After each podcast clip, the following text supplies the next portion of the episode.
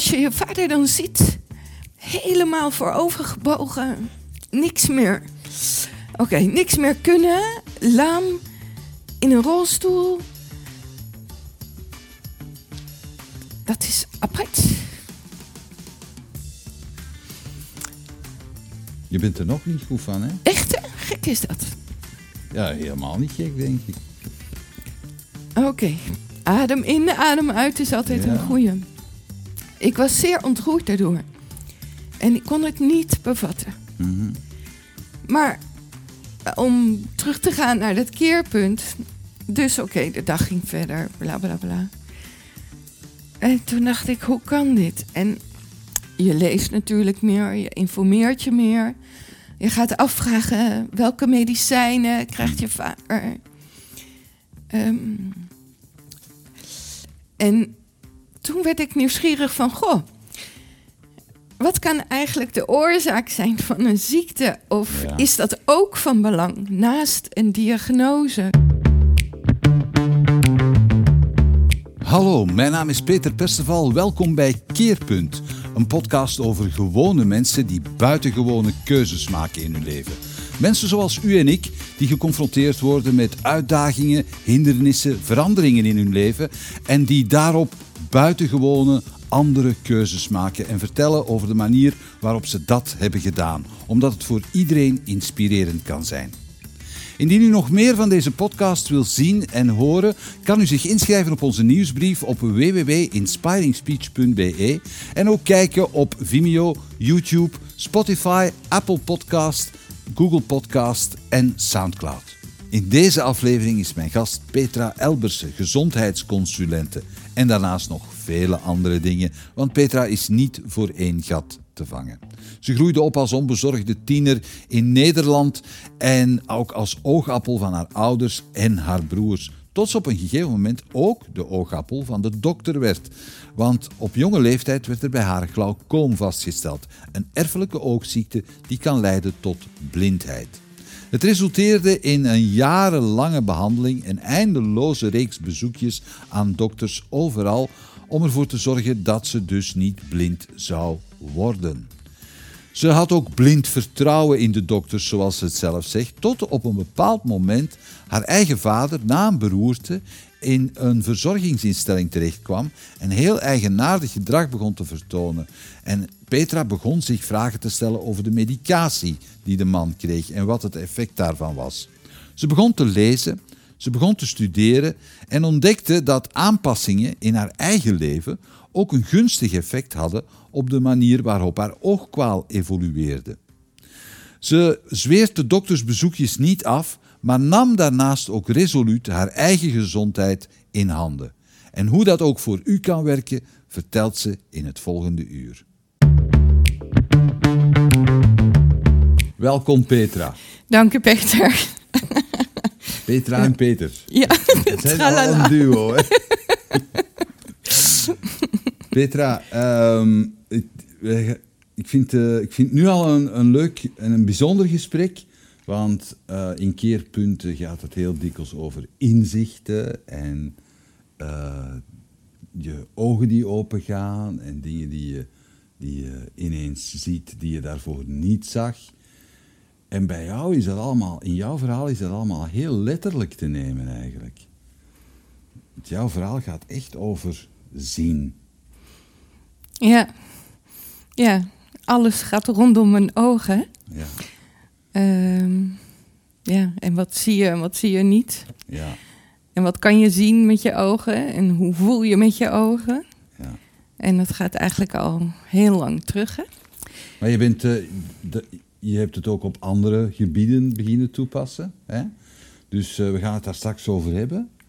We gaan eens eerst luisteren naar wie, wie is Petra eigenlijk? Als je jezelf zou moeten voorstellen, wie, wie ben je dan? Wie ben ik dan? Een eh, enthousiast, blij, cultureel, creatief mens. Ja. Die houdt van de familie. Mhm. Eh, die super dankbaar is waar ze nu is. Ehm, en die graag leeft en op avontuur is. Hm, ja. misschien is dat het verhaal. Je hebt ook kinderen. Ja, drie kinderen. Oké. Heel leuke kinderen. Maar, ik zeg het maar, het zegt elke moeder van zijn kinderen. Alle ouders van hun kinderen. Allee, toch Ja. de meeste. nee. De meeste En een hele leuke man, hè? Creatieve man. Ja. Oké. Ja. Petra, wie was jij toen je, toen je 16 was? We hebben iets gemeen, schappelijk. Oké, ik ben nieuwsgierig. Ja, we speelden allebei handbal. Ja, inderdaad. Toen we jong waren. Dat was mijn, een van mijn dingen rondom 16. Ja, Ja, Eh, superleuk. Dus eh, met school, ja, je kent het verhaal wel. Hè? Je doet Ja. graag sport en je bent zeer enthousiast. ja. En ja, veel gespeeld met de kinderen of met eh, mijn vrienden. ja. Was het een goede ploeg? Het was een hele leuke ploeg, ja. ja. Wij waren heel fanatiek, dus ehm, met de vriendinnen konden we nou ja, een provinciaal spelen. Mhm. Eh, dus dat werd de passie. Ehm, en ik stond zeg maar in de opbouw en jij was keeper, geloof ik, hè? Ik was keeper, ja. ik kreeg al die ballen Al die tegen mijn hoofd. tegen mijn lijf aan. Ja. en dus eh, nee, dat was een van de hele leuke dingen. Ja. Ja. Zeg maar, je, eh, had je toen al last van je ogen? Want je kreeg op een gegeven moment last van je ogen. Ja, ehm, maar toen nog niet, zeg maar. Dus toen kon ik nog vrij rondspelen. Ja. En wat was je voor een tiener? Had je, stel je je vragen? Was je bezig met, met dingen? Eh, stelde me vragen in de zin van... Oké, leuk om te sporten, leuk om dit te doen. En ik ging al plein naar school, dus ik was denk ik een normale tiener. een- Mhm. Met vrienden op pad. Wat wilde je worden? Wat wilde ik worden? Cultureel antropoloog. Zo. Waarom? Hoe? Hoe zat dat? Eh, nou, dat gaat terug naar toen ik twaalf was. Ja. Eh, en toen was het nog niet in de tijd van de internet en dat soort dingen natuurlijk. Dus Ja. je had op de NOS had je Teliac-programma om half zeven. Serieus. ja. En ik was altijd... Dat is een schooltelevisie. Ja? Ja. ik weet niet. En wij, wij, wij mochten dat zien eh, s s'avonds. Ja. Want je had natuurlijk uren van je ouders dat je Ja. tv mocht kijken. Ja. Eh, dus toen vroeg ik aan mijn moeder, dat had ik één programma gezien. Toen zei ik, mam, dit vind ik echt heel erg leuk. Mag ik zo'n boek kopen om dat mee te begeleiden? Eh, die programma's te volgen. Dus dat waren geloof ik zes of zeven afleveringen. Ja. En mijn moeder zei ja, dus superleuk. En het boek heb ik nog steeds. 35 gulden kostte dat boek. Het was al echt een cadeau. Culturele antropologie. Ja, dat- en waarover ging dat dan? Over culturen, over landen. Ja. eh, Wilde je reizen? wilde je reizen? Ja, ik, ik vind het superleuk. Ik ben altijd blij met mensen. En ehm, ja, mijn, mijn vader hielp, of mijn vader en mijn moeder. Hè, mijn vaders bedrijf was een, eh, een hand, handtassenman geworden. Mhm. Een ontwerper en collectiemaker. Ehm, en dat verkocht hij in veel winkels in Nederland en België. En daartoe moest hij veel reizen maken. Ja. En het leuke was dat ik dan ook vaak mee mocht. Ja. En waar En ging die reizen dan naartoe? In het begin naar Italië. Oké. Daar had hij veel. Of Spanje of Portugal. Mhm. Of ook in België. Dus grappig hoe je dan weer terugkomt bij je roots. Ehm, Waar woonde jij zelf dan? wij woonden in Soest. In Nederland. Bij Utrecht. Bij Utrecht, oké. Ja. Ehm, dus ja, hij had een zaak aan huis. En dat was gemakkelijk. En ik vond het altijd leuk om bezig te zijn. Heb je broers of zussen? Ja, twee broers. Oké. Die wijzer zijn dan hun zus. Geintje. Ouder? Jonger. nee, superleuke broers. Waarom Nee, zeg je dat? Wijzer dan hun zus? Gewoon een grapje. Ik weet, ik neem alles eerst altijd zo serieus. nou, nou, Peter. Oké.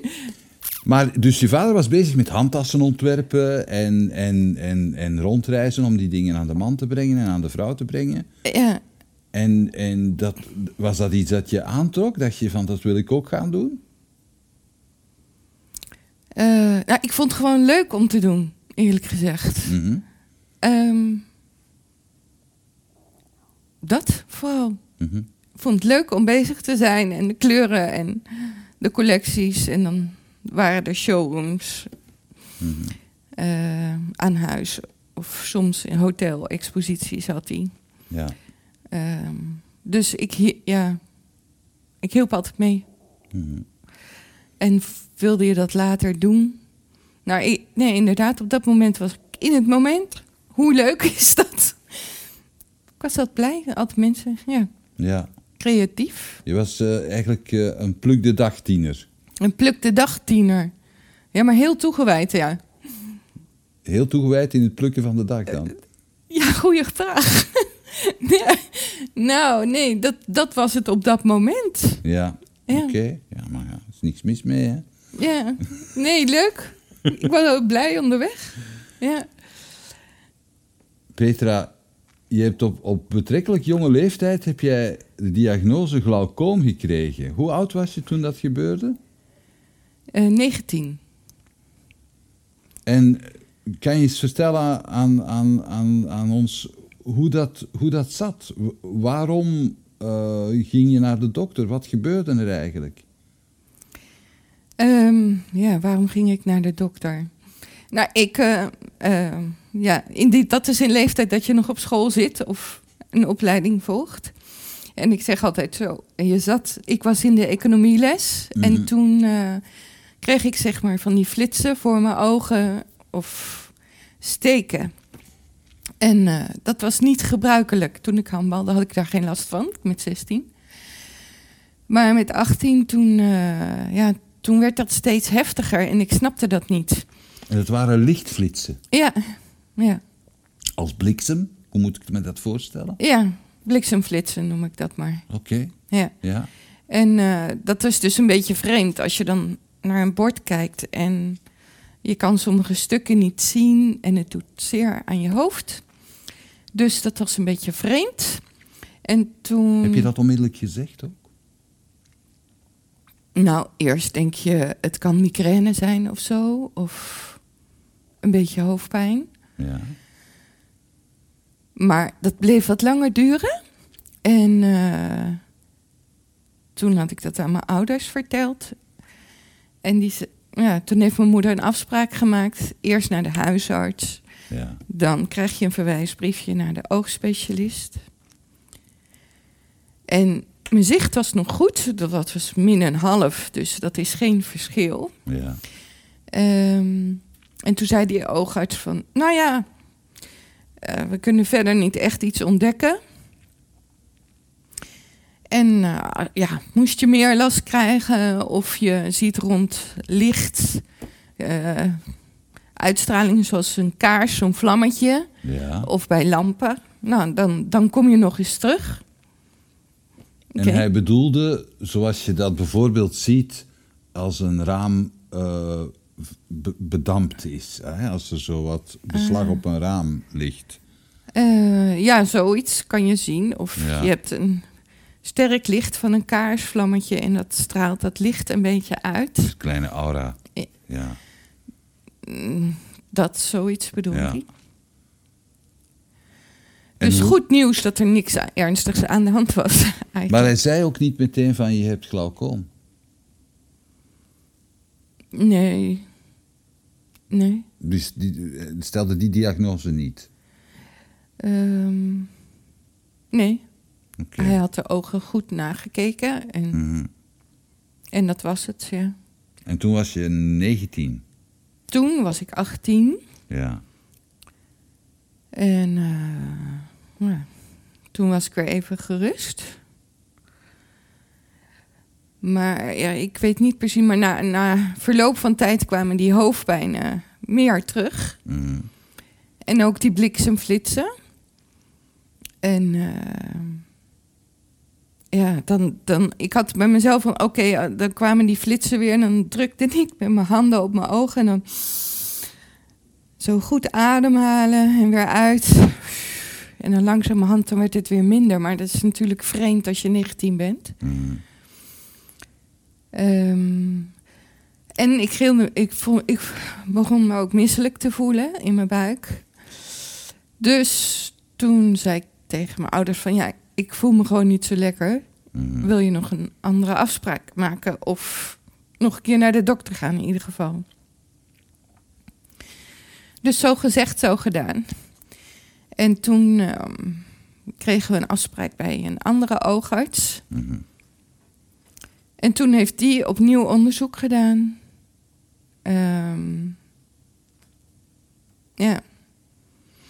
Toen moest ik wachten in de wachtzaal in een ziekenhuis. Dat was wel apart. En ehm, eh, die, die wachtzaal die zat vol met, eh, ja, ik noem lieve opa's en oma's. en ik dacht, oeh, helemaal geen mensen van mijn leeftijd. Wat is dit voor een rare Waar dokter? ben ik nu even hier? Ja. Maar oké. Dus zij riep me naar binnen en met mijn moeder. En ja, een hele aardige dokter. En was super Mhm. bezig en super, super druk. Maar goed, de, ehm, En was dat iets... Dus hij stelde toen de diagnose. Hij Ja. zei, je hebt glaucoom. ja. En wat zei je er voor de rest bij? Er is niks aan te doen, je, je zal ermee moeten leren leven. Wat, wat zei hij erbij? Wat zei hij daarbij? Ehm, nou, nadat hij de onderzoeken had gedaan, eh, toen zei hij ja. Ik moet vaststellen dat je aan glaucoom lijdt. Ja, Mhm. dat, eh, dat zei hij. Ja. Maar ik gaf er niet veel informatie over. Nou, hij zei: Weet je wat dat betekent? Mhm. En toen zei ik: Nee, want ik had er. Nee, ik heb daar nog nooit van gehoord. Mhm. Oké. Hij zegt, ehm, mm, als je het niet weet ehm, en je doet er niks aan, dan kan je blind worden. Of je kan er gelukkig wel iets aan doen en dan Mhm. kunnen we het stabiel houden. Oké. Ja. Dus het stabiliseren, dat was je beste perspectief. Mm, nou ja, waarschijnlijk wel. Ja. Was er voor de rest iemand in de familie die het had? Ehm, op dat moment, ehm, eh, want hij, je hebt waardes, inge- was er voor de rest iemand in de familie? Ja, eh, dat wisten we niet. Ik, ik was de eerste in de familie. Ja. Bij, eh, en schijnbaar is het ehm, erfelijk, Ja. want hij vroeg... eh, ja, je moet het misschien wel na laten vragen Ja. bij je directe familie, omdat het erfelijk zou kunnen zijn. Niet Mhm. dat het is, maar zou kunnen zijn. Ehm, en daarmee heeft hij mijn moeder ook meteen gecontroleerd. Mhm. En die eh, bleek dan ook volgens de waardes eh, een eh, glaucoom te hebben in een lichtere vorm. Ja. Oké. Dus zeg maar, gelukkig dat we daar waren. Bizar dat zij daar nooit last van had gehad dan. Ja, dat kan je ook afvragen. Schijn... Nou ja, inderdaad. Bizar dat ze er nooit last van heeft gehad. Misschien, het is een sluimerende ziekte wat je niet weet. Mhm. En misschien als de waarde nog redelijk. Wat is het precies dan, glaucoom? Kan je dat, kan je dat in mensentaal uitleggen? ehm glaucoom noemen ze verhoogde oogdruk. Mhm. Ehm, ze noemen, eh, ja, ik vergelijk het zelf altijd maar. Je hebt verhoogde bloeddruk. Mhm. Maar dat is niet hetzelfde, maar dan ver- verhoogde oogdruk. Dus ehm, Dus dat is binnen in je oogbol ja, verhoogde druk. ja, En dan, dan, dan, kan je, dan krijg je druk op die zenuwen. Die, want het zit vol zenuwen, een, een, oog, een Ja. oogbol. ja. En de, zenu- de oogbol is verbonden met je oogzenuw. Ja. En natuurlijk met eh, de stroming van ja, kamerwater noemen ze dat. Ik had ook water. En ik noem het maar, je hebt allerlei afvoerbuisjes in Ja. je oog, Mhm. wat er beweging geeft. En door die druk eh, wordt dat minder. Ja. Ehm, en kan het niet zo goed stromen. Mhm. En dat kan weer druk geven op je oogzenuw. Mhm. Ik vraag dat even aan je, omdat we, en daar gaan we straks nog over praten. Jij hebt, je hebt daar dan eh, in eerste instantie een heleboel medicijnen voor gekregen. Hey, een heleboel, ik neem aan dat je daar. Ik zie nu een heleboel. Nou, ik ben begonnen met ene, Peter, of twee. Je krijgt daar medicijnen voor. ja. En, maar je hebt op een gegeven moment heb je iets meegemaakt in je leven waardoor je zei van, nou, die medicijnen, ik weet het nog zo niet. Maar laten we eens eerst praten over wat je hebt meegemaakt. Er, er gebeurde iets in je leven, want je, hoe, je, hebt, je, hebt, je hebt mij eens gezegd, ik, heb, ik had blindelings vertrouwen in de dokter. Omdat dat nu eenmaal een man was die daarvoor gestudeerd had. ja, een man of een vrouw, Of een Peter. vrouw. Ja, tuurlijk wel. Omdat er nu eenmaal mensen zijn die daarvoor gestudeerd hebben. Ja. Eh, maar dat vertrouwen kreeg een knauw. Hoe kwam dat? Ehm, nou, ik denk dat je doelt op het voorval met mijn vader. Ja? Ehm, die was toen een jaar of ehm, zeven- 75. En hij was nog steeds enthousiast met werken bezig en hij had een val gemaakt. Mhm. En ehm, daardoor kreeg hij een, eh, ja, een herseninfarct, kwam hij in het ziekenhuis terecht. Ja.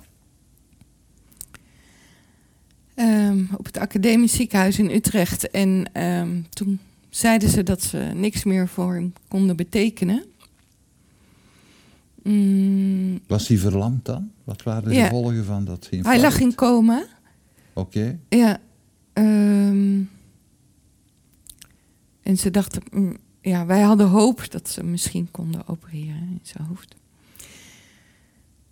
Ehm, maar er was een moment dat ik, eh, ja, dat ik moest racen van, van Antwerpen naar het ziekenhuis om te doen. Toen kreeg je een telefoontje van een specialist. Ja, mevrouw, we kunnen niks meer doen voor uw vader. Nou, Dan ben je verwonderd.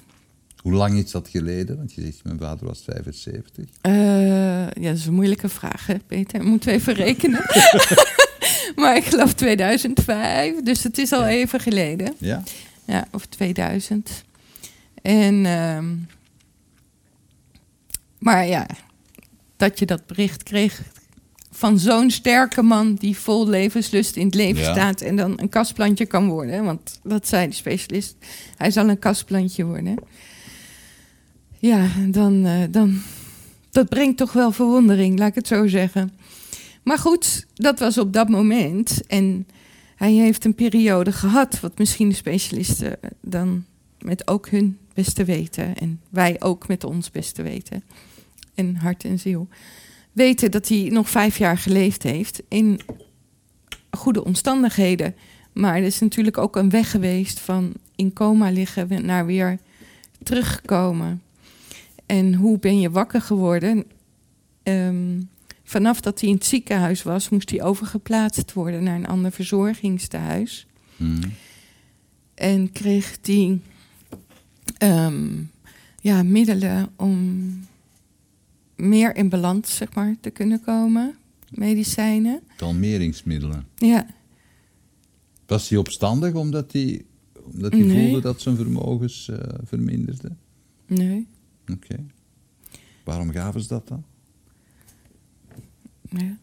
Zij van de, de specialisten of het protocol van Ja. verzorgingstehuis. Of, die vonden dat waarschijnlijk wijs.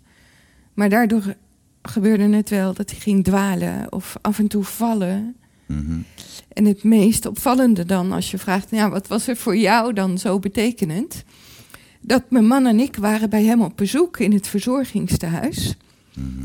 Echt complimenten voor het verzorgingstehuis en de mensen daar. Maar hij was daar en hij, hij, hij was gewoon heel goed. Hij, hij had een schaaltje met eh, verse aardbeien gehaald, was rondom mij. En we hadden een heel leuk gesprek gehad, omdat die week daarna zouden mijn man en ik eh, op reis gaan. Mhm. Dus we gingen met een goed gevoel weg, allemaal blij. En die week daarna kwam ik weer terug om hallo te zeggen. En toen was hij niet op zijn kamer. Nou ja, goed, dat kan misschien. En eh, toen was hij niet op zijn kamer. En toen ging ik vragen van, ja, waar zou hij toch kunnen zijn?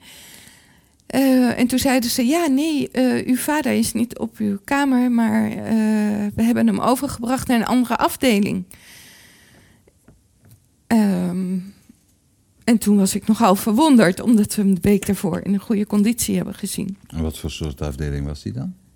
Nou ja, dat, laat ik zeggen, dat weet ik niet precies. Ik, naar een andere afdeling was het antwoord. En toen zeg ik, oké, goed. Dan ga ik hem opzoeken. Ik zeg, waar kan ik hem vinden? Zullen wij met u meelopen? Zei, nou, dat hoeft niet. Ik zal mijn weg wel vinden. Uh, misschien is dat een beetje eigenwijs van mij. Of, Mhm. mm -hmm. Maar ik dacht, ah, oké, okay, het is mijn vader. Ik zorg wel voor hem. dus tank, tank, tank, tank. Ik ga hem wel opzoeken. De oudste? Ja, de, ja, daar dacht ik niet bij na. Maar ja. voilà. Dus ik was op die afdeling en toen, vroeg, toen kon ik hem niet vinden. En toen, toen, zegt hij, uh, toen vroeg ik dat dus weer aan iemand van de begeleiders. Ja, waar is uw vader? Wow, dat zit diep dit, hè? Hmm. Maar als je je vader dan ziet, helemaal voorovergebogen, niks meer. Oké, okay, niks meer kunnen, lam, in een rolstoel. Dat is apart. Je bent er nog niet goed van, hè? Echt, hè? Gek is dat. Ja, helemaal niet gek, denk ik. Oké, okay. adem in, adem uit is altijd Ja. een goeie. Ik was zeer ontroerd daardoor. En ik kon het niet bevatten. Mhm. Maar eh, om terug te gaan naar dat keerpunt. Dus oké, de dag ging verder, bla bla bla. En toen dacht ik, hoe kan dit? En je leest natuurlijk meer, je informeert je meer. Je gaat afvragen welke medicijnen krijgt je vader. Ehm, en toen werd ik nieuwsgierig van, goh, wat kan eigenlijk de oorzaak zijn van een ziekte? Of Ja. is dat ook van belang? Naast een diagnose kan. Mhm. Wat voor inzichten kan. Ja, ik werd in ieder geval nieuwsgierig. Dus je begon zelf te lezen en op te zoeken en te... Ja, en toen was er een moment dat ik dacht: ah, oké. Daar ehm, op de levensschool in Tongerlo, daar bieden ze eh, een opleiding aan voor natuurlijke gezondheid. Mhm. Vier jaar als moeder van drie kinderen en een man, hè, die ook goed zijn werk doet. Dacht: oh, hoe ga ik dat doen? Ik zeg. No worries, ik ga gewoon met het eerste jaar beginnen, omdat ik zo nieuwsgierig was van wat kan voeding voor je betekenen. Maar hoe had je die, die, die omslag gemaakt van de nieuwsgierigheid over wat je met je vader gebeurd was naar tja, voeding, dat kan iets met je betekenen. Was er dan ook iets gebeurd met je vader? Had je, had je zelf ingegrepen? Was je in discussie gegaan met de, met de dokters? Nou ja, zoals ik zei, ik werd nieuwsgierig naar welke medicijnen hij kreeg. en daar ging ik me over informeren. En dan kijken wat dat doet. En ehm, ja, welke voeding die kreeg. En ik ging, me, eh, ging eigenlijk automatisch, ik ging me daar steeds meer in verdiepen. Ik vond dat interessant. Mhm. En eh, toen ging ik op zoek naar natuurlijke gezondheid. En ik werd ook al nieuwsgierig naar Ayurveda, Ayurveda of Mhm. hè, de mens zien als één geheel. Eh, daar was ik wel mee bezig. En toen kwam dit, ja, dit op mijn pad, zeg maar. Of dit ontdekte ik. En toen dacht ik, ach, ik ga gewoon het eerste jaar beginnen en dan Mhm. zie ik wel. Dat was eigenlijk mijn insteek. En terwijl ik met dat jaar bezig was, Mhm.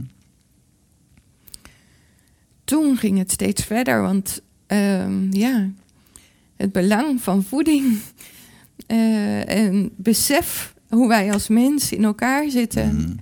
Ehm, en hoe je jezelf kan ondersteunen. Misschien wel met voedingssupplementen. Mhm. En als je daar meer balans in kan brengen, misschien kan je dan iets meer, minder medicijnen nemen, waardoor je minder van die bijwerkingen hebt.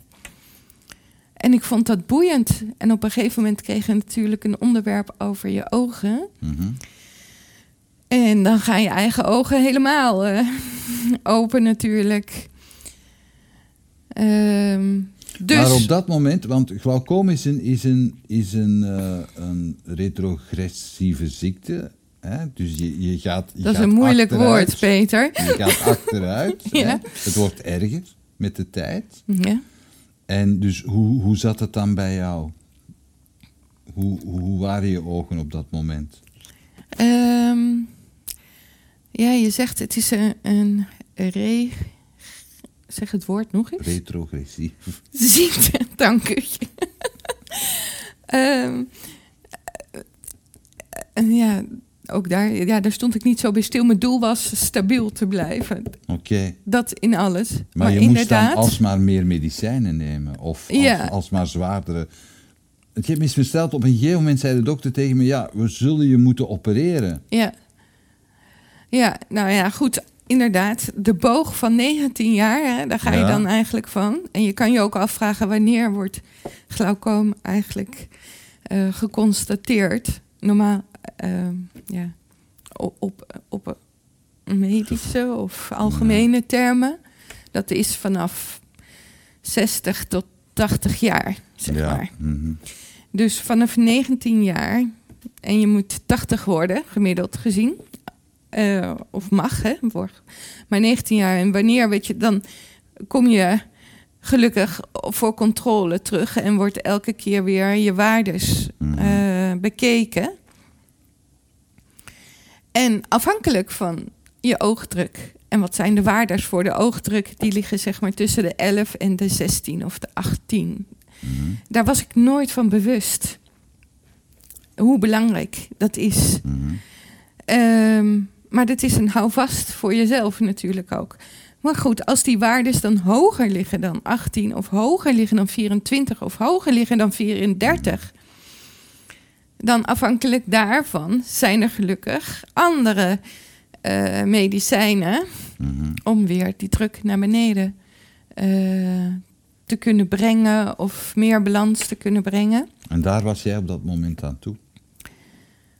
Nou ja, wat is er allemaal mogelijk? Je hebt zoveel verschillende eh, medicijnen. Mhm. En eigenlijk noem ik dat zelf graag een collectie van medicijnen, zoals mijn vader een collectie van handtassen had. Zo zie ik dat ook. Een collectie van medicijnen. En die hebben allemaal verschillende kleurtjes. Allemaal snoepjes. Ja, snoepjes, hè? Haribo snoepjes of noem maar op. Neem ze alsjeblieft niet. Maar eh, en zo heb je ook de kleuren van het seizoen. Nou ja. Ja. Ehm, en oké, op bepaal- dat is natuurlijk op bepaalde momenten zeer prettig. En het andere nieuws is, als het niet zou halen, dus je hebt echt heel veel, ja, ik, ik wil ook heel veel geruststelling, omdat en als de medicijnen niet meer zouden werken, dan kan je een laseroperatie doen. Mhm. Dus je kan wel een heel leven mee, zeg maar. En na die laseroperatie kan je nog een laseroperatie doen. Mhm. Of uiteindelijk een oogoperatie. Ja. En waar was je dan? Toen was ik een jaar of 45, geloof ik, of 46. Ja. En dan noem ik maar een klein tattoetje in mijn ogen. Oké. Dus Dus je, je begon te, te leren over het belang van voeding. Heb je dat ook toegepast bij je papa dan? ja, dat zou een leuke vraag zijn. Bij mijn papa, ehm, daar kon ik niet zoveel in toepassen. Ja. Maar bij mezelf wel. Mhm. Mijn papa die was toen in de verzorgingstehuizen. Ehm, dus je kon daar meer in begeleiden. Maar ik was onderweg in die opleiding. Dus ik was ook onderweg in mijn eigen pad. En dat heb ik wel bij mezelf dan toegepast. Dus je doet het eerste jaar van die opleiding algemene kennis over Mhm. voeding. En dan het tweede jaar voeding. Hoe zie je dat in de brede zin van het woord? Mhm. Dus eh, aan voeding denken we vaak als mens. Mhm. Aan groente, fruit. Wat we in onze mond steken. Oké, dank u. Eh, ja, maar dat gaat door ons hele lijf. Mhm. Ehm, en tenminste, ik was me er ook nooit zo van bewust. hè. Maar omdat je daarmee bezig bent, kan je voeding ook als één geheel zien. Dus hoe belangrijk kunnen dan massages of voetreflex? Dat brengt harmonie in je lichaam en rust. Of beweging, dat weten we allemaal. Beweging in de natuur, hoe belangrijk dat is. Maar als je daar meer bewust van bent en dat nog meer kan ondersteunen, kom je dichter bij jezelf, tenminste. En misschien kom je wel meer in een ontspannen staat van zijn. En wordt de druk misschien iets minder. Je paste het ook toe op jezelf? Ja, als je zegt ehm, het leven gaat door hè, naar de ontwikkeling van mijn vader en je, van mezelf natuurlijk, dan ehm, ja, ben ik er zelf mee gaan experimenteren, zeg maar. Mhm. Ehm, en ook advies gevraagd aan natuurlijk gezondheidsbegeleiders of orthomoleculair therapeuten. Mhm. Of mensen die met Ayurveda bezig zijn. Kreeg je geen tegenstand toen je daarmee begon? Want allee, er hangt een beetje een, een, een slechte reputatie aan vast. Je krijgt, eh, eh, de dingen waar je nu over praat, krijg, je- krijg je niet zo'n fraaie pers. Omdat, zij, omdat, ze in een beetje, omdat ze het etiket krijgen van kwakzalverij, zeg maar. Eh, Dus kreeg, als, je, Nou. als je daarmee begint voor jezelf, Ja. zeggen de mensen dan niet van... Maar Petra, pas toch op, wat, wat ben je toch aan het doen? Mm, nou ja, ehm, je, je zou het zo kunnen zeggen, maar wat ik zelf ervaren heb, is dat gezonde voeding voor jezelf kan verrijkend zijn voor Mhm. jezelf. En als ik daar bij mezelf doe en daar voel dat ik daar baat bij heb, dan is dat fijn. Maar, en je, liet je medicijnen dan achterwege? Of? Nee. Ehm, kijk, hoe is die fase? Ehm, natuurlijk, er zijn twee zaken. Liet je Mhm. je medicijnen achterwege? Nee, want dat gaat gewoon niet. Mhm. En ehm, ja, ik, ik heb fases mee. Kijk, als je ne- 19 hebt van oogdruk, dan is dat waarschijnlijk wel prima. Maar als je 24 of 34 en sommige mensen hebben 45 van oogdruk, dat is echt zwaar. Mhm. Dan, ehm, ja, dan is het fijn dat je een balans of een weg daarin vindt. Je zegt dat is zwaar. Kan je eens proberen van dat gevoel te beschrijven? Wat, wat dat met je doet? Eh, nou ja, zoals ik het ervaren heb, zo'n hoofd en mm, alles gaat verkrampen. Ja, En je hele lichaam ook. ja, nou ja, wat ik zei, eh, eh, voor iedereen is dat verschillend. Of je krijgt die enorme bliksemflitsen, Mhm. of hier, of je wordt misselijk, Ja. of eh, het gaat hier, ja, zonder dat je het weet misschien, vastzitten. Maar goed, het andere nieuws, als je je goed voelt, dan is dat ook heel prettig. Mhm. Ehm, en door het gebruik van eh, meer eh, voedingssupplementen op een natuurlijke wijze kan je misschien toekomen met minder medicijnen. Dat is eigenlijk mijn stukje geworden. Oké. Dus je bent daar dan echt heel erg mee... Je, hebt jezelf uitgeroepen tot experiment, laat ik maar zeggen. Nou ja, het zijn jouw woorden, maar ik ben het gaan experimenteren. of ja, onderzoeken of, of ermee bezig geweest. Omdat dat is, maar ik dat is wel boeiend. Hoe is dat dan gegaan? Dus je, je, je bent... Je, je, de kennis die je opdeed in de cursus ben je gaan toepassen op jezelf. Wat Ja. waren zo de dingen die je deed? Wat waren zo de dingen die je deed? Nou, voilà. Ehm, je weet eh, van kurkuma, dat is een wortel. Ja. Mooi oranje van kleur. Eh, en die werkt ontstekingswerend. Je hebt... eh, Er worden ook medicijnen van gemaakt, hè? Tegen reuma. Op basis Ja. van kurkuma. Ja. ja. Ja, bijvoorbeeld. Ehm, de waarde van onze voeding tegenwoordig. Kan je afvragen, je visolietabletten. Mhm. Ja, ja, ik mag geen merken noemen, hè. Maar eh, Van mij mag je merken noemen zoveel je wil. Dit wordt niet uitgezonden op een, eh, op een officieel kanaal, maar zeggen. Dus, eh, Nee, nee, maar goed, dan kan ik concreet zeggen. Bijvoorbeeld van Morepa, dat is hele pure vissenolie. Ja, Ehm, en ehm, als glaucoompatiënt, maar sowieso als mensen, omega-3, 6 en 9, helpt ontzettend hard. En om die verbinding te maken, wat heb je gebruikt? Nou, dus dat heb ik gebruikt met kurkuma. En dan heb je van Manufatal, Manifito Oguton. Het zijn speciale kruiden. En wat heb je gedaan? Nou, die heb ik gebruikt. wat doen die? Die brengen meer eh, balans, doorstroming, voeding voor je ogen.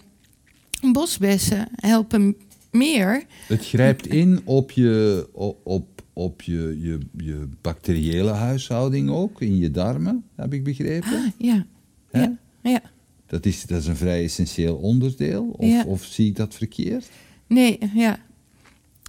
Eh, nee, het is een essentieel onderdeel. Maar, en daarmee ook voeding voor je ogen. Ja, Ehm, en als je er heel veel precies van af wil weten, dan zijn er ook andere eh orthomoleculair therapeuten. Die, Ja. Want je moet wel, hè, ieder mens is anders. Dus, ja. Maar concreet kan je nieuwsgierig zijn en daarin verdiepen wat het Mhm. jou kan brengen. Je hebt Mhm. ook van Cressana bosbessen extract eh, op basis eh, van diep gevroren, dus dat de kwaliteit nog beter bewaart. Jij was heel erg gefocust op de, de druk in je ogen, de Ja. spanning in je ogen. Ja, Ehm, je, hebt ook, je, je bent daar ook andere dingen voor gaan doen. Niet alleen eh, eh, het eten aanpassen, maar je, hebt ook, je bent ook andere dingen gaan doen. Je bent ook yoga gaan doen. Je bent ook met je ademhaling heel bewust gaan werken. Hoorde dat ook bij de opleiding? bij de opleiding hoorde voetreflexologie. Ja. Dat is ook bijzonder helend.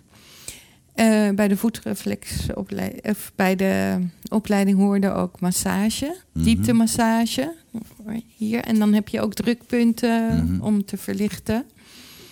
Ehm, en in voetreflex kan je zien dat je lichaam in je voeten zit Mhm. en dat er bepaalde punten zijn voor je ogen. ja. Dus als je die punten kan activeren via drukpunten, dan is dat ook super interessant natuurlijk. Mhm. En dat bedoel ik, als je de mens als één geheel ziet en je zegt inderdaad over voeding, voeding is ook beweging. Mhm. Ehm, en daarin de mens zien als één geheel, emotioneel, mentaal, bewustzijn en fysiek natuurlijk. Ehm, dan weten we allemaal dat beweging heel erg belangrijk is. Zeker Mhm. nu. Hè? Daar, ja. Mhm. Ehm, wandelen in de natuur is heel duidelijk voor mensen. Mhm. Maar hoe is beweging voor je ogen? Eh, daar denken we nu misschien aan van ja, het is zo automatisch dat je uit een boek kan lezen. En dat we tegenwoordig 80 uur per dag voor een scherm zitten. Nou, ik Mhm. overdrijf, maar heel veel dus. Mhm. Want het is niet alleen maar de televisie, het is ons werk bijna. Ja. Ehm, maar wat betekent dat voor onze ogen en hoe bewegen we daarin onze ogen? Dus als je dan de weg van de opleiding en welke stukken je daarin hebt gedaan, hebben we misschien geleid naar yoga toe. Mhm. En hoe dat betekenend kan zijn voor jezelf en voor een ander. Je bent eigenlijk heel erg gaan nadenken over wat er allemaal in je lichaam gebeurt. Eh, nadenken. eh, ja, het ging vanzelf. Ik werd nieuwsgierig. Mhm. En door dat te doen, ga je dat onderzoeken of voelen of Mhm. doen gewoon. En daarmee voelde ik van oké, dit helpt mij. Ehm, oefeningen voor, voor je ogen. Ehm, zal ik even doen of niet? Natuurlijk, Oké. toon het maar. Nee, want Voor de mensen die dit niet zien, kan je nu naar de video schakelen. Dat is een reden om het te bekijken. Ja, nou, maar zeg maar, je, stel je voor, ik doe dit ook voor, ik stel me voor, iedereen zit op zijn stoel, op Ja. kantoor of bij je thuis, of, en je zit rustig op je stoel en je landt op je stoel. En je verbindt met je ademhaling. En als je daarmee concentreert op je ogen en echt heel eenvoudig, maar zo verrijkend voor je ogen. Je kijkt in het midden en dan naar boven. En weer terug in het midden en naar beneden. En weer terug in het midden. En naar boven, midden en beneden. En dan weer terug in het midden. En naar rechts, midden, links. Midden, rechts, midden, links. En zo kan je alles twee keer doen. Je kan diagonaal, rechts, midden, linksonder, midden, rechtsboven, midden, linksonder, midden, linksboven, midden, rechtsonder, midden, linksboven, midden, rechtsonder, midden. En dan kan je nog je arm uitsteken en een toi toi toi, goed je duim uitsteken. En wat we vroeger altijd deden, zo puntje van je neus naar je duim en helemaal in de verte kijken. En dan weer terug naar je duim, puntje van je neus. Ja. En dat doe je zo een paar keer. En dan om ontspanning te brengen, kan je de Tibetaanse techniek zo Ja. een mooi vuurtje maken. 36 keer. En dat goed warm. En dan maak je zo'n kommetje en dat leg je op je oogleden. En dat is ontspannend voor je. En ogen. ontzettend ontspannend voor je ogen. En het gaat niet alleen om die ontspanning, maar ook om het voelen, om het bewust te voelen. Hoe je met je ogen naar links en naar rechts kijkt en weer de andere kant en van boven naar beneden. Ik denk dat het is heel belangrijk wat je zegt, omdat we doen dat soms automatisch als we heel lang, ik merk het zelf ook, als ik heel lang voor een scherm zit en als ik heel lang bezig ben, dat ik ook, ik, ik, ik draag sowieso een bril, maar dan zet ik mijn bril af en begin ik mijn ogen te wrijven. Maar dat is ook gewoon, dat is een reflex. Je, je brein zegt op dat moment, geef die ogen even rust. Dus op, op zo'n moment zou je even moeten zeggen van, oké, ik doe deze oefeningen, wat je nu net gegeven hebt. Hè? Om, om die ogen wat rust te geven. Jij hebt heel concreet ondervonden van, oké, dat werkt voor mij. Hoe, hoe, hoe merkte je dat? Wat gebeurde met je oogdruk? Wat gebeurde met mijn... Ja, ehm, het werd beter, stabieler. Eh, super dankbaar de- waar ik nu ben. Dus je, je hoefde geen operatie op dat moment? Nee, kijk, ik heb alles geha- gehad. Hè? Dus de hele collectie, inclusief de operatie. Mhm. Aan mijn linkeroog. Maar dat was ook zo'n ehm, beetje verhelderend punt. Op het moment dat je, zo'n, ja, dat je tegen zo'n operatie aanloopt... of ik tegen mezelf aanloop, geef het een naam... en je bent bij een oogspecialist... ehm, ja, mevrouw... ehm, met alle liefde en zorg en erkenning die er voor iedereen is. Want hè, voorlopig ben ik hier waar ik ben met de hulp van iedereen. Maar je loopt tegen zo'n oogoperatie aan en mevrouw zegt: Ja, we kunnen u opereren aan uw linkeroog. Ehm, dat kan volgende week als u wilt. En daarna kunnen we, die week daarna, kunnen we inplannen voor uw rechteroog. Met een laseroperatie. En dat vond ik nogal veel, want ja, alles is veel. Of het nu over je armen gaat of je benen, maar je ogen en dan twee keer. En ik had 18 aan mijn rechteroog. En mijn linkeroog was op dat moment 4 of 37, dus dat was hoog. En dat heb ik al een paar keer gehad, dus voilà, daar, dat, dat wist ik. Alleen eh, voelde het nogal eh, veel aan om twee van die operaties tegelijk te doen. En waar ik nu zo dankbaar voor ben, is dat ik op dat moment gezegd heb: Nou, eh, mevrouw, één operatie lijkt me echt leuk genoeg op dat moment. En dan ga ik even afwachten hoe dat verder gaat. En gelukkig heb ik dat gedaan. Omdat, kan ik nu zeggen, hè, Ja. omdat het was op dat moment, mijn oogdruk was 18. Ik had drie oogdruppels in de ochtend en drie oogdruppels in de avond. En wat ik toen niet wist, maar nu wel, is dat ik nu één oogdruppel in de ochtend gebruik. En ik zie beter dan dat ik ooit gezien heb. Ja? Hoe weet je dat? Ehm, want het kan toch niet als je oog geopereerd is of zo. Maar ehm, voor die oogoperatie ehm, toen droeg ik contactlenzen, want Mhm. ik had ja, min 2,75. Niet te erg, maar oké, dat, dat moet je wel iets van Mhm. versterking gebruiken. Ehm, de, en voor de operatie moest ik mijn contactlenzen uit. Drie weken van tevoren. Nou, dat was voor mij echt een heel iets. Want je kent handballen. Dan kan je geen bril op je neus hebben. Tenminste, voor mij niet.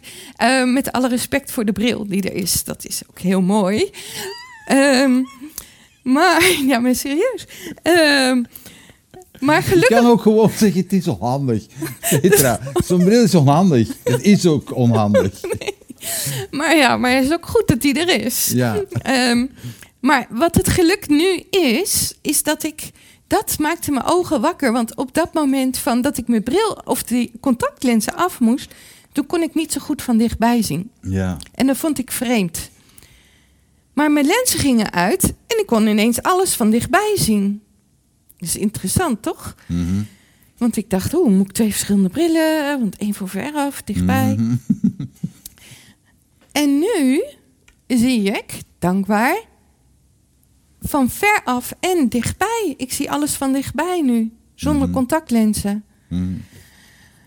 Dus ehm, help me even, nu zijn we hier. Hoe zie je? Nou, nu goed. Dus, eh, maar het is een heel verhaal van waar je komt van 18, drie oogdruppels, 's ochtends drie oogdruppels, 's avonds. En nu, dankbaar, één oogdruppel per dag. En dat doe ik natuurlijk wel heel voor, want het is een beetje mijn levensstijl geworden. En meer groene groentes eten. En eh, hè, je voedingssupplementen. En maar het is dus, ik yoga. ben blij dat je het zo zegt, want het is een en-en verhaal. Mensen denken dikwijls dat je als je in, in, in, in zo'n traject stapt, als je zegt van oké, ik, ga, ik ga mezelf verzorgen, ik ga op mijn voeding letten, ik ga, dat, dat je dan de hele klassieke geneeskunde afzweert. Hè, en dat dat in concurrentie komt te staan bij- met elkaar. Maar ik, zie, ik hoor in jouw verhaal juist heel erg en-en. Ja, zo zie ik dat ook. Ja, Ehm, zo, zit, zo beleef ik dat ook. ja. Want zonder het een is het ander er niet. Mhm. En je kan elkaar maar aanvullen, denk ik. Dat dat zo fijn is. ja. En dan, ja, het is toch prettig dat je je zo fijn... Maar waarom is er dan zo'n zo'n animositeit? Sorry, zo, zoveel, zoveel, zoveel discussie en vijandigheid tussen die twee kampen? Eh, ja, goede vraag. Waarom? Misschien. eh, Denk je dat mensen zich bedreigd voelen? Heb jij ooit het gevoel gehad? Heb je wel eens over gepraat met je dokter? Eh, ja, dat is een eerlijke vraag van je. En ik zal het eerlijk zeggen, ik heb wel eens verteld van ik gebruik voedingssupplementen, maar niet zo ver waar ik nu ben. Want ehm, eh, ja, ze, het- ze vragen het ook niet, of andersom gezegd. Ehm, ja, je gezichtsveld, ja. Je, hebt natuurlijk verschillende onderzoeken nodig, waaronder je gezichtsveld. Eh, ja, je gezichtsveld, ja, is stabiel. Nou, dan ben je al echt ontzettend blij natuurlijk. En dankbaar. Dat is al iets. Maar als ze gaan zeggen, ja, je gezichtsveld, want het voel je zelf. Is misschien wel iets beter. Maar ja, dat kan natuurlijk niet. Maar zou het wel kunnen? Dus de dokter zegt het kan eigenlijk niet. Nou ja, eh, misschien weet, is het ook niet genoeg gekend of zo? Oké. onder, onder, om, ja. Misschien, misschien is daarom de uitnodiging om zelf te gaan onderzoeken wat voor jou wel kan helpen.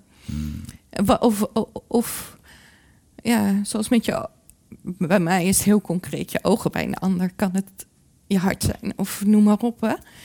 Eh, wel onderzoeken van, nou, wat kan mij helpen? Wat is het alternatief wat mij kan helpen? Heel concreet, als je lijf vol stopt met friet en smoeskes en alle dingen. Ja. Of je doet, sorry, ik moet dit even laten zien. Mag Toon dat? het. Hier ligt al een heleboel boekjes. op, op En ik mocht het niet doen. Maar je mag het Maar gewoon. de groene cirkel, dat helpt heel erg voor Ja. niet alleen je ogen, maar voor alles. En dit boekje, Kan je een voorbeeldje geven? Ik zie daar spruiten op je, op je omslag liggen. ja, spruiten, maar broccoli kennen we allemaal wel, hè, Ja. dat dat gezond is. Eh, avocado's. We, we beginnen, hè, mensen zijn ook heel erg bewust. Hè, dat, dus ehm, Maar die avocado's, dat is echt heel slecht voor het milieu. dat is heel erg slecht voor het milieu. Ja, zoek je balans. Zoek je balans. Het is altijd wat. Het is altijd wat, ja.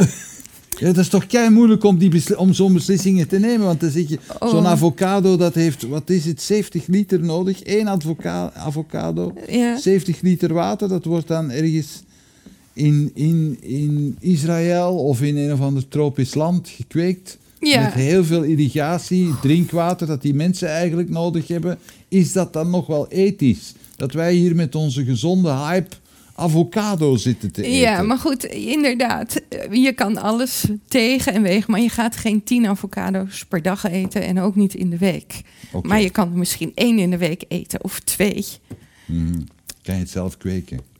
Wie weet. of je kan, maar je kan natuurlijk ook kiezen voor broccoli of sperziebonen of iets. Maar wat- kan je eens een voorbeeldje geven? Wat doet zo, wat, wat doet zo, bijvoorbeeld spruiten, wat doet dat eigenlijk voor je? Wat zit daarin, weet je dat? Eh, goeie vraag. Ja, ik weet het niet. Eh, moet je opzoeken, ik weet het niet precies. Oké, nee.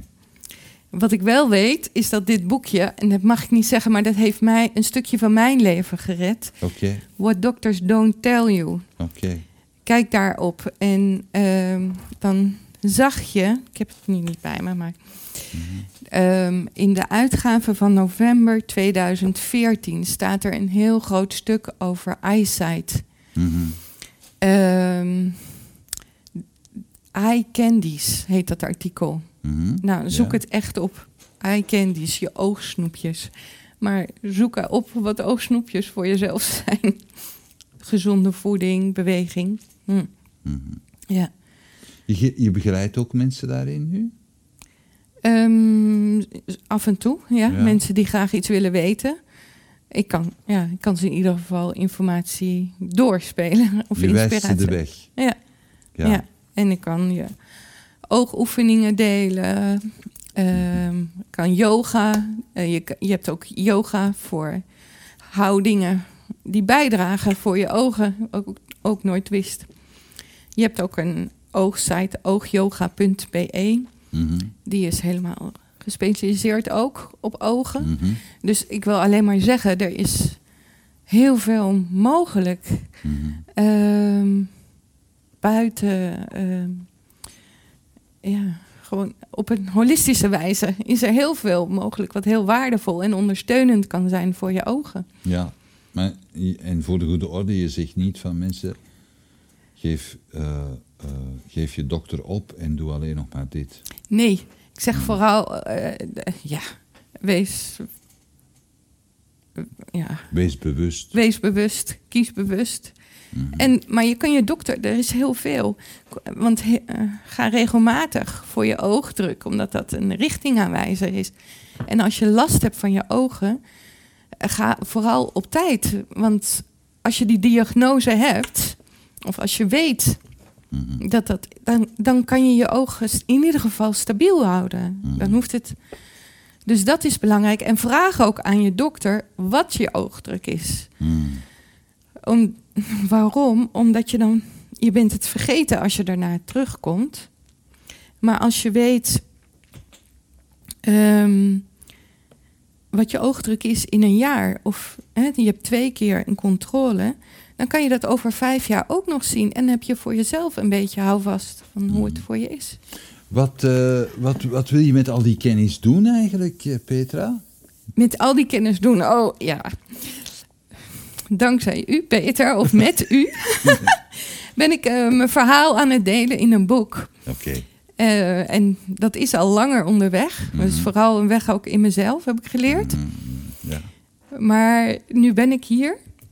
En dat is, eh, ja. Dus dat, wat ben je in een boek aan het schrijven om hoe je voor jezelf kan bijdragen. Mhm. Hoe je voor jezelf kan ontdekken en bewust kiezen. Mhm. Ja. En hoe dat een, een weg is met heel veel, eh, met heel veel paden in. Hè? Ja, ja. hoe je die ja, inspiratie, ontdekkingen. Het ademhalingsverhaal, het, het etenverhaal. Ja, voetreflex kan heel erg helpen. Helpt mensen ook Mm. super. Ehm Het zijn massages. dingen die je zelf ook doet. Ja, Oké. ja. Hmm. Ik moet eigenlijk heel erg even een pauze pakken. Maar we gaan afronden. Sorry mensen, maar kom vooral terug. Dit is heel leuk en ik bedank Peter, want het is aan mij. Nee, nee, we gaan afronden, Petra. Oké, als jij... ehm Eén vraagje nog. Hoe ziet je leven er nu uit? Vrolijk. Ja? Ja, en vol, ehm, vol met passie eigenlijk, vanuit mijn hart. Ja. En ik zie, ja, ik kan het niet zeggen. Ik zie gewoon echt zo helder. En dat is heel erg fijn om rustig, want het voelt je rustig en dichter bij jezelf. Je bent niet meer ongerust over de toekomst eigenlijk. Ah, oké, nee. Ja, Ja. ik heb vertrouwen in mezelf en ja, het neemt zoals het is, hè. Vertrouwen in je vermogen om jezelf te verzorgen ook. Ja, zo kan je het ook noemen. Ja. Is dat wat je wil meegeven aan mensen? Wat wil, ja. Ja, wat wil je meegeven aan mensen? Ga, ja, zorg goed voor jezelf. Is dat het? Wees in verbinding met jezelf. Hm? En hoe doe je dat dan? Ehm, hoe doe je dat dan concreet? Als je bij de oogarts bent, wees nieuwsgierig. Of bij eender welke arts. Ja, of bij eender welke arts, wees nieuwsgierig. Ontdek wat de waarden zijn Mhm. van iets. Schrijf je eigen, eh, houd die bij, de, de resultaten van de onderzoeken. En wees nieuwsgierig naar wat op een holistische wijze, hoe je voor jezelf kan bijdragen. En zoek dan daarin een, iemand die je kan begeleiden op. Eh, lees boeken. Maar hebben artsen dat graag, Beweeg. dat je vragen stelt? Eh, nou, eh, hebben artsen dat graag? Daar ga, daar- dat, dat ga je zelf toch niet echt over. Je mag toch nieuwsgierig zijn en wellicht is het ook fijn dat je jezelf daarin uit. Dat kan natuurlijk ook. En als je het niet, het gaat om jezelf, wat je zelf vindt en hoe je jezelf voelt en wat voor belang is voor jezelf. Daar gaat het om. Ja. Dus wees En- assertief. Ah, ja, nou ja, dat zijn jouw woorden. Ja. Ja. ja, ga op ontdekking. Ja. En zie, dat je moet niks, maar je kan. Ervaar het. Mm. Dat is een hele mooie. Ah. Bedankt, Petra. Oké, Ik nou zou je dank nu u, naar het toilet laten gaan. Sorry.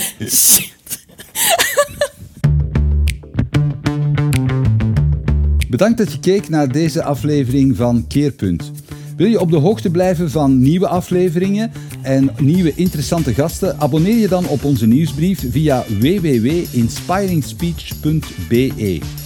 Iedere twee weken brengen wij een nieuwe aflevering online op inspiringspeech.be, YouTube, Vimeo en Soundcloud.